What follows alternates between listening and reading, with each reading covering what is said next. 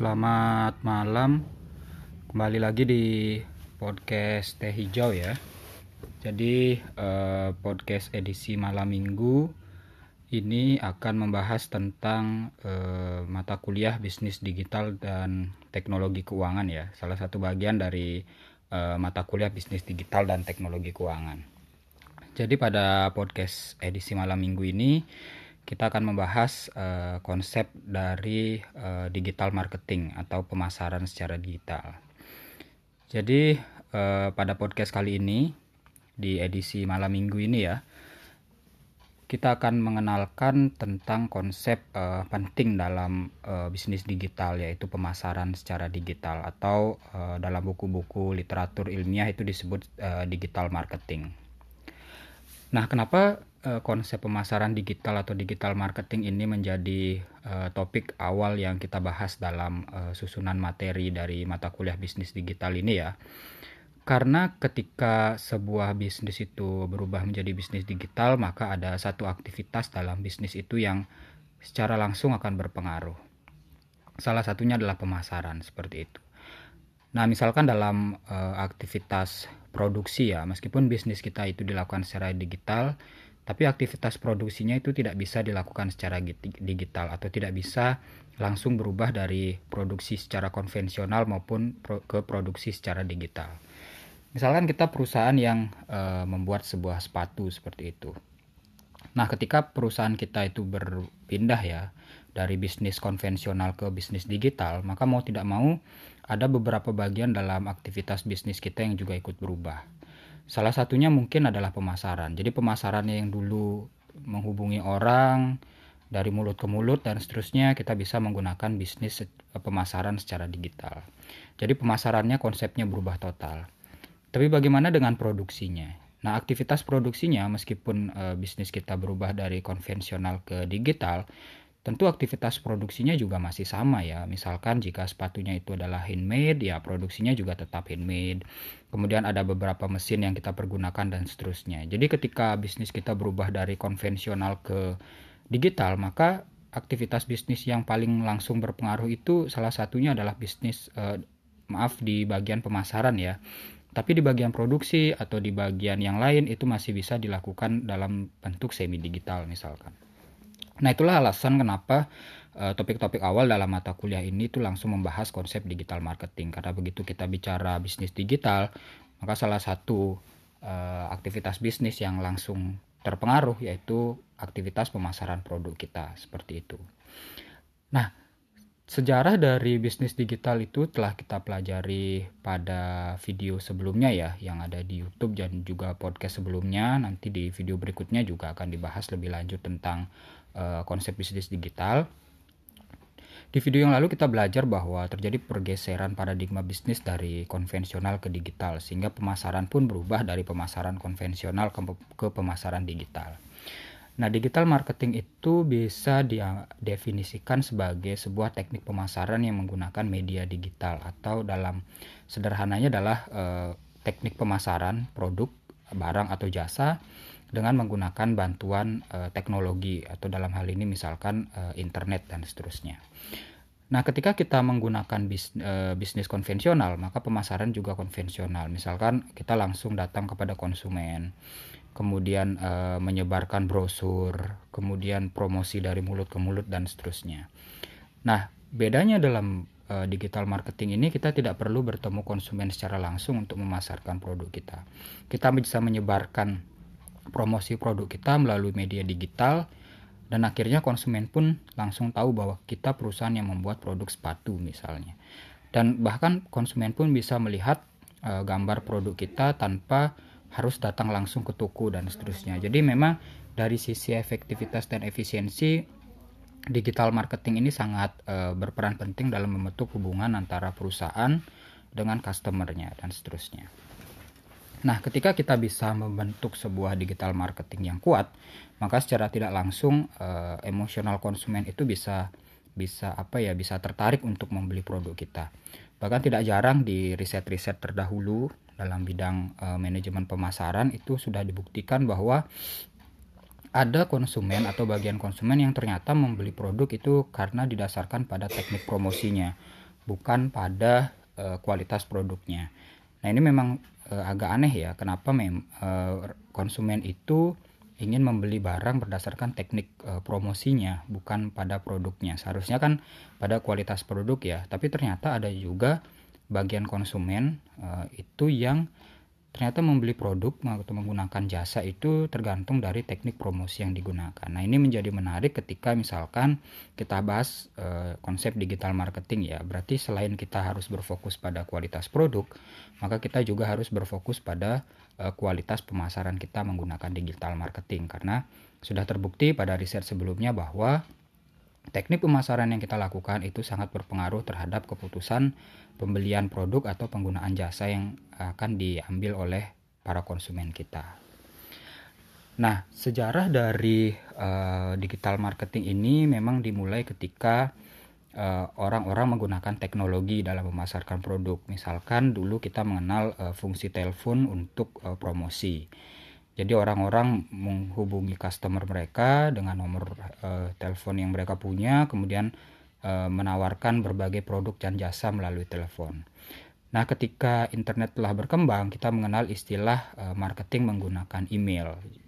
Jadi, para uh, produsen itu membuat gambar produk yang berisi deskripsi produk, kemudian dia sebarkan uh, melalui email dari uh, konsumennya.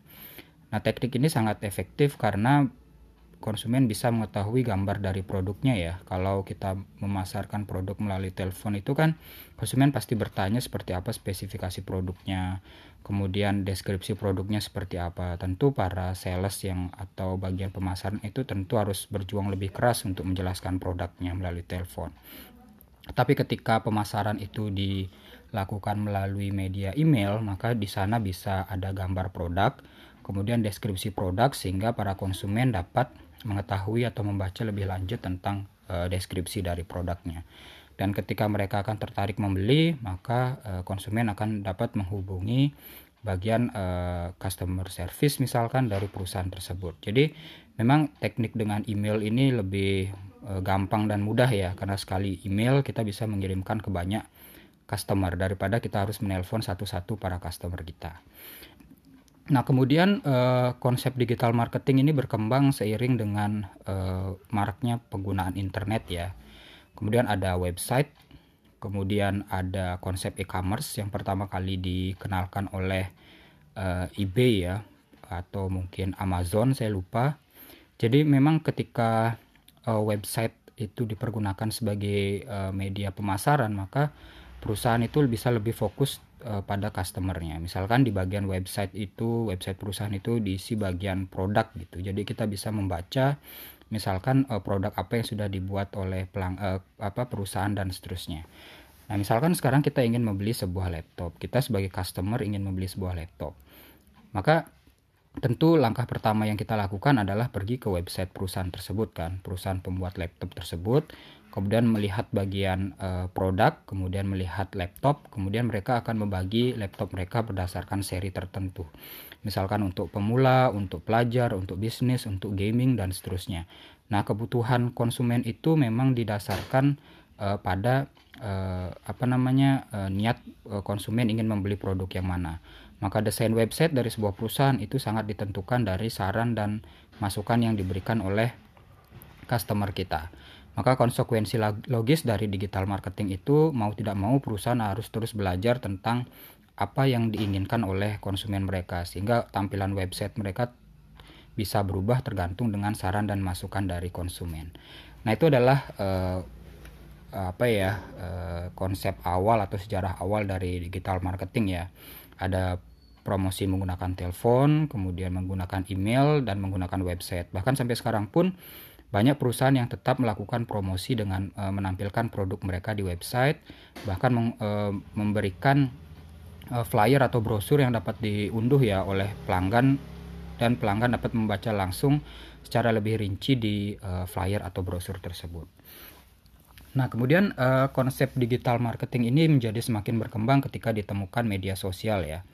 Pertama itu ada uh, Facebook kemudian beberapa orang uh, atau beberapa perusahaan atau organisasi bisnis itu mulai mengembangkan sebuah uh, konsep digital marketing melalui media sosial. orang-orang mulai mengenal tentang uh, search engine optimization ya atau SEO bahkan mungkin itu konsep sebelum ada media sosial ya tapi kemudian itu dipakai lagi ketika ada media sosial kemudian uh, social media optimization itu ada beberapa teknik misalkan bagaimana cara ukuran gambar yang pas untuk di media sosial kemudian deskripsi produk kemudian ada hashtag agar orang bisa menemukan lebih mudah produk kita, kemudian bagaimana menata komen dari komentar dari pelanggan, bagaimana cara menjawab komentar dari pelanggan dan seterusnya. Nah, kemudian setelah ada beberapa platform media sosial yang lain ya seperti Instagram, kemudian uh, yang lainnya itu mulai marak penggunaan uh, digital marketing melalui media sosial. Nah, jika kita melihat dari beberapa media sosial yang berkembang sekarang, orang-orang rata-rata melakukan promosi melalui uh, Facebook dan Instagram. Dan ini ada alasannya ya. Misalkan mengapa orang tidak pernah promosi produknya secara uh, masif itu melalui Twitter misalkan. Jadi memang ada alasannya kenapa orang-orang lebih cenderung menggunakan Facebook dan Instagram dan itu akan kita bahas di uh, pertemuan berikutnya ya, teknik-teknik dari digital marketing. Nah, ketika misalkan orang uh, mulai uh, masuk kepada media sosial, maka mereka menemukan konsep baru dalam pemasaran. Misalkan uh, menggunakan orang yang terkenal untuk uh, memasarkan produk mereka. Ada ada program endorse ya, misalkan yang dilakukan oleh uh, artis atau orang yang memiliki banyak pengikut di Instagram atau di Facebook untuk memasarkan produk uh, seseorang. Dan di sana muncul lagi konsep digital marketing yang baru ya. Jadi semakin hari konsep digital marketing ini semakin berkembang sehingga orang-orang mulai menemukan uh, pola tertentu untuk melakukan digital marketing melalui sosial media. Dan uh, digital marketing melalui sosial media ini sangat uh, penting atau sangat efektif bagi perusahaan-perusahaan yang baru berdiri ya. Misalkan uh, pelaku UMKM atau generasi muda yang baru menjalankan bisnis. Jadi alasannya itu memang uh, ada beberapa hal positif yang bisa kita ambil dari digital marketing ini terutama bagi perusahaan-perusahaan yang baru berdiri. Nah, di bagian podcast ini kita akan membahas tentang uh, dampak dari digital marketing ya bagi organisasi bisnis. Nah, jadi kita akan berfokus pada uh, organisasi bisnis atau sudut pandang organisasi bisnis dibandingkan dengan uh, sudut pandang dari customer. Nah, misalkan dampak yang pertama yang kita uh, rasakan sebagai se seorang pelaku bisnis. Ketika menggunakan digital marketing tentu biaya pemasaran menjadi uh, lebih murah ya atau istilahnya marketing costnya menjadi bisa lebih murah. Dengan di, menggunakan digit, um, digital marketing kita bisa membuat akun media sosial secara gratis kemudian memasarkan produk kita dan seterusnya. Jadi memang marketing costnya menjadi lebih murah. Yang kedua dampaknya uh, kita bisa memasarkan produk kita secara lebih luas jadi tidak terbatas dengan uh, regional lagi ya jadi kita bisa memasarkan produk kita bahkan sampai luar negeri. Jadi dengan beberapa teknik uh, digital marketing tertentu kita bisa memasarkan produk kita yang uh, masih dalam lingkup lokal itu bahkan sampai ke luar negeri informasi dari produk kita. Kemudian kalau ada dampak positif maka tentu ada uh, dampak negatif ya. Dampak negatifnya mungkin ini sebenarnya bukan disebut dampak negatif ya, tapi tantangan bagi pelaku bisnis jadi mau tidak mau pelaku bisnis itu harus uh, belajar tentang teknologi, harus belajar tentang uh, digitalisasi produk misalkan atau belajar lagi hal-hal baru uh, ketika menggunakan uh, internet atau teknologi informasi sebagai media mereka untuk melakukan pemasaran. Jadi di riset-riset terdahulu sudah dijelaskan bahwa dengan adanya perkembangan teknologi dalam dunia bisnis ini bukan berarti bahwa pelaku bisnis itu menjadi semakin mudah ya atau terlena untuk menggunakan teknologi. Justru di sanalah letak e, perbedaannya. Bagi pelaku bisnis yang optimis, dia akan menganggap teknologi itu sebagai sarana mereka untuk terus belajar, untuk terus meningkatkan kapabilitas diri mereka dan belajar, keluar dari zona nyaman misalkan. Nah, selama ini mungkin mereka sudah e, apa namanya melakukan media promosi melalui Instagram misalkan tapi ketika itu terus dilakukan dalam waktu yang lama dan uh, konstan, maka itu adalah zona nyamannya uh, perusahaan ketika melakukan uh, promosi. Dan ketika perusahaan itu terjebak dalam strategi promosi yang masih sama seperti itu, maka ketika perusahaan lain menggunakan media yang lain atau platform yang lain atau teknik yang lain, maka perusahaan kita justru akan tertinggal. Nah, dengan adanya perkembangan teknologi ini, kemudian perubahan selera konsumen, maka mau tidak mau sebagai pelaku bisnis kita harus menggunakan uh, media sosial ini dengan bijak dan harus mau belajar untuk terus meningkatkan kapabilitas dan uh, kemampuan diri ketika menggunakan uh, teknologi untuk digital marketing.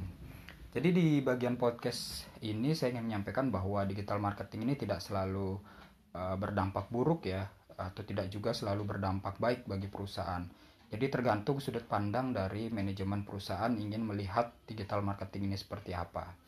Misalkan di riset-riset sebelumnya dijelaskan bahwa ternyata dengan menggunakan digital marketing ini dampak buruknya misalkan perusahaan dapat mengurangi karyawan pada bagian pemasaran gitu. Jadi hanya admin media sosial saja yang ada di bagian pemasaran dan tentu ini mengurangi kesempatan seseorang untuk melakukan uh, atau menerima peluang kerja ya ketika misalkan dampak negatif ini harus dilakukan oleh semua perusahaan.